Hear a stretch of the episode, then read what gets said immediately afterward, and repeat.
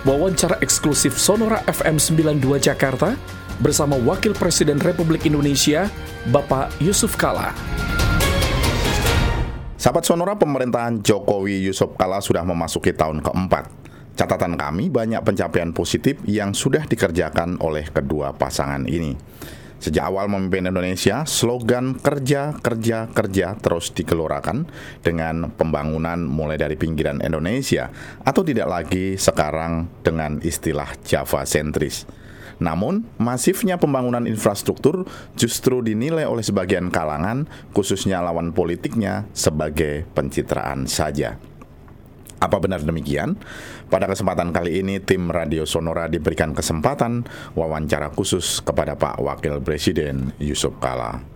Pak Yusuf Kala, terima kasih kesempatannya di tengah kesibukan Bapak, kami diberikan kesempatan untuk wawancara kali ini. Pertama-tama Pak JK, pemerintahan Jokowi JK sudah memasuki tahun keempat. Apa refleksi yang bisa disampaikan kepada masyarakat Indonesia?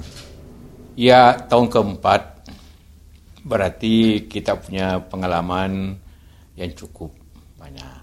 Seperti Anda katakan tadi, salah satunya pembangunan uh, infrastruktur, dan yang kedua pembangunan manusia. Pembangunan infrastruktur itu dapat kita lihat kenyataannya, tidak hanya pencitraan, memang otomatis kalau dibangun banyak, citra naik.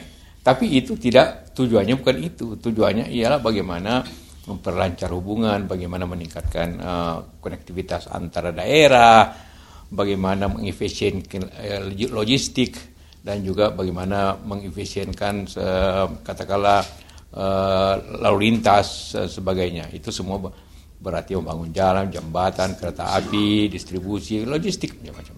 Nah itu ya yang terjadi. Ini dapat dilihat dari pertumbuhan lima persen plus uh, 0, berapa lima persen lebihlah sedikit itu artinya bahwa kita dalam pertumbuhan yang menengah di situasi yang tidak mudah ini.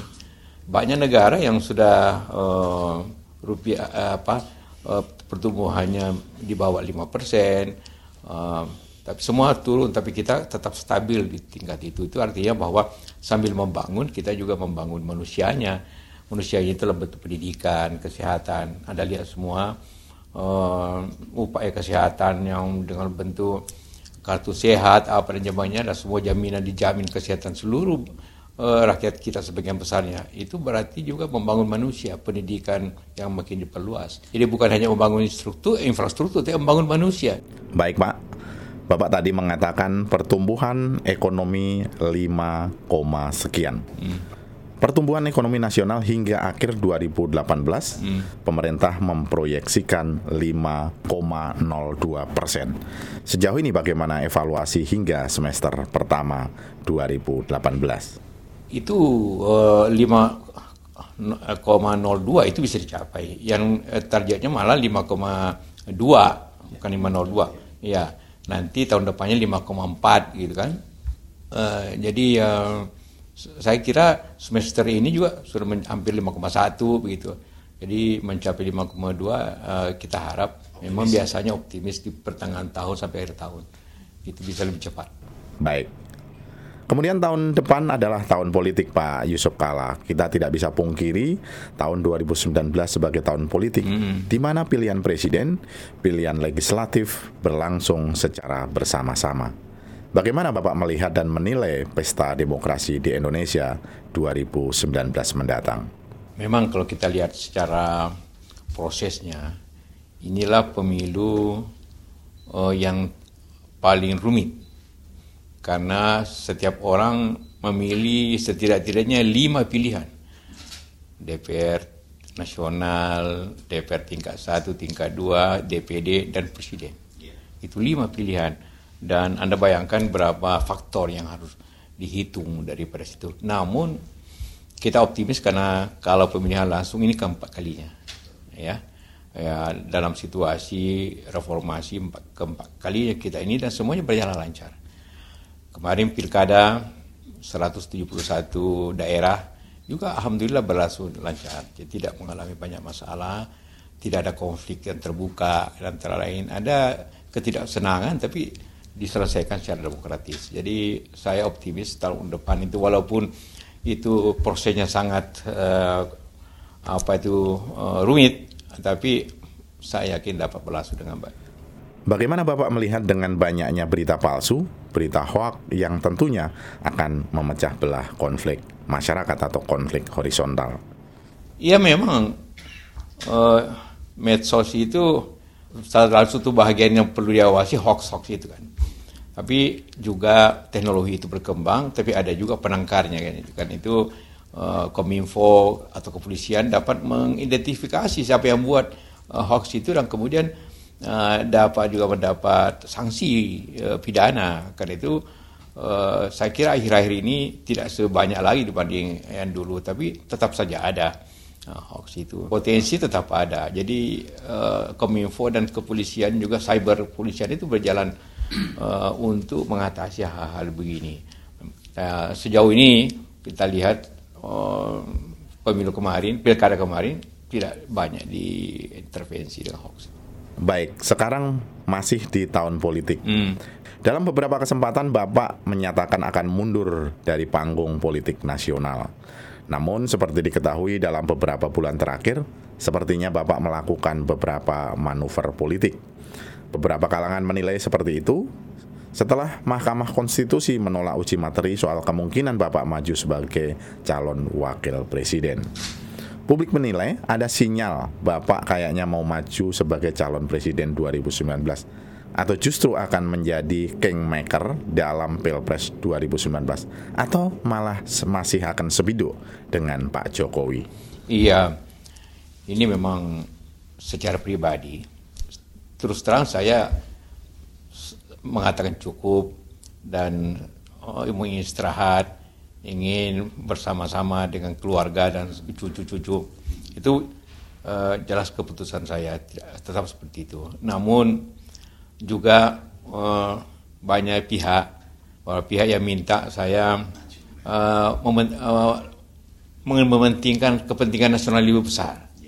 Ya bahwa uh, kita butuh stabilitas. Apa yang anda katakan tadi program pemerintah dan infrastruktur pembangunan manusia perlu dilanjutkan dengan program dengan tim yang uh, ada. Karena itulah maka uh, timbullah kemudian ide dari uh, teman-teman, uh, bukan teman-teman, uh, beberapa berbagai pihak tentu untuk saya uh, ikut mempertanyakan sekali lagi. Ini kan proses DMK itu proses demokratis dan proses yang dibuat dalam tahun dalam rangka reformasi.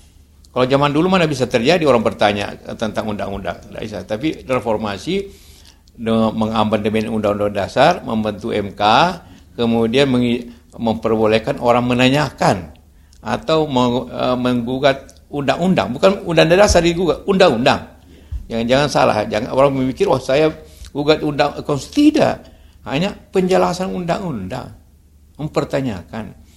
Ya, ini satu uh, bagian pertama bahwa uh, kita memakai cara yang dibentuk dalam reformasi dan sangat demokratis karena melalui mahkamah.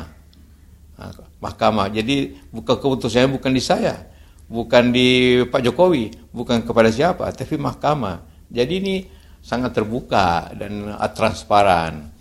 Bahwa nanti kemudian apabila uh, MK memutuskan boleh atau tidak boleh, ya saya ikuti. Bahwa tapi nanti mau punya proses lagi. Kalau kita bo, ma, eh, boleh prosesnya ialah harus negosiasi lagi dengan partai-partai uh, pembicaraannya. Kemudian ikut uh, pemilu. Jadi masih dua langkah lagi. Uh, jadi, jangan khawatir. Dan ini pun pertanyaan yang diajukan ialah mengertikan kata sesudah. Di Undang-Undang Dasar itu berbunyi presiden dan wakil presiden menjabat jabat eh, bekerja sesuai jabatan lima tahun dan sesudah itu dapat dipilih lagi dalam satu masa. Sesudah itu yang dipertanyakan sebenarnya. Siapa sesudah saya? Pak Budiono. Siapa setelah Pak Budiono? Saya. Jadi bukan dari saya ke saya kan? Nah, itu pertanyaan saja. Ya apakah itu di, di tidak itu soal demokrati. Jadi artinya masih ada celah Bapak untuk maju kembali. Iya, kalau. Ya, kalau semua pakai kalau. Baik, terima kasih Pak JK. Kemudian masih terkait dengan tahun politik, bagaimana dengan sosok Gubernur DKI Jakarta Pak Anies Baswedan yang beberapa pihak juga menggadang-gadang sosok penantang Jokowi di tahun 2019. Bagaimana Bapak melihatnya? Itu proses politik yang tentu sangat tergantung kepada uh, partai karena syarat kita harus diusulkan minimum 20% kursi di DPR. Oh, partai-partai gabungan partai karena kita tidak ada partai yang sampai 20%, ya kan? Sehingga harus ada gabungan uh, partai politik untuk mencapai 20%. Kalau ada itu tentu Anies bisa. Tapi melihat daripada kondisi dinamika uh, politik dewasa ini tidak terlalu mudah karena masing-masing partai ingin maju. Uh, sedangkan seperti dengan saya, dengan Anies itu tidak punya partai. Hmm, jadi uh, tergantung tentu kepada keputusan politik daripada partai-partai. Baik. Sekarang kita beralih sebentar lagi Pak JK, pesta olahraga bangsa Asia hmm. akan berlangsung dalam beberapa hari ke depan. Indonesia akan menjadi tuan rumah. Hmm. Sejauh mana kesiapan pemerintah menyambut tamu-tamu dan tentunya kesiapan atlet nasional Kemudian harapan Bapak sebagai tuan rumah Asian Games 2018? Ada tiga hal yang menjadi fokus kita. Fokus pertama ialah penyelesaian infrastruktur atau venue olahraga. Ada 40 cabang olahraga yang disiapkan uh, dia punya fasilitas hmm, dengan 15.000 atlet uh, ditambah official. Hal yang hal pertama venue ya seperti katakan. Hal yang kedua penyelenggaraan. Penyelenggaraan itu dilakukan oleh Inasgok. Inasgok itu uh, diketahui Erik itulah yang uh, pelaksana dan sudah dua tahun berlangsung prosesnya dan semua kita harapkan bahwa itu berlangsung dengan baik. Yang ketiga atlet, prestasi atlet. Prestasi atlet itu menjadi ukuran kesuksesan. Uh, semua tuan rumah uh, apa itu event olahraga yang besar pasti tuan rumahnya bekerja lebih siap untuk prestasi itu. Karena itu kita harapan kita ingin prestasi 10 besar. Kalau Asian Games yang lalu nomor 18 kita. Jadi kita harus uh, push turun 8 uh, poin. Uh, 8, 8, 8 nomor gitu, 8 prestasi. Jadi itu bukan pekerjaan mudah. Dan itulah atlet-atlet kita kita latih dalam negeri dengan juga mengundang pelatih asing, malah sebe sebagian besar juga dikirim ke luar negeri untuk latihan.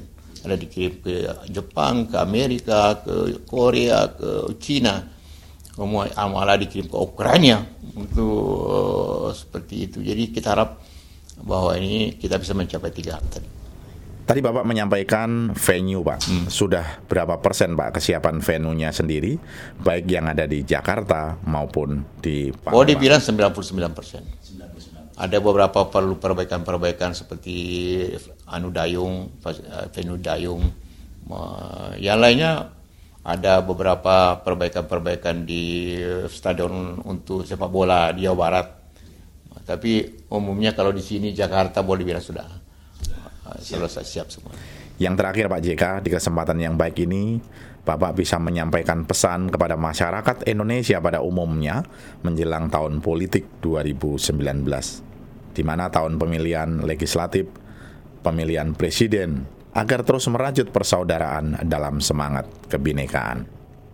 Ya, pada seluruh uh, pendengar uh, Sonora, pertama kita saya inginkan selamat semuanya dalam setelah pilkada ini.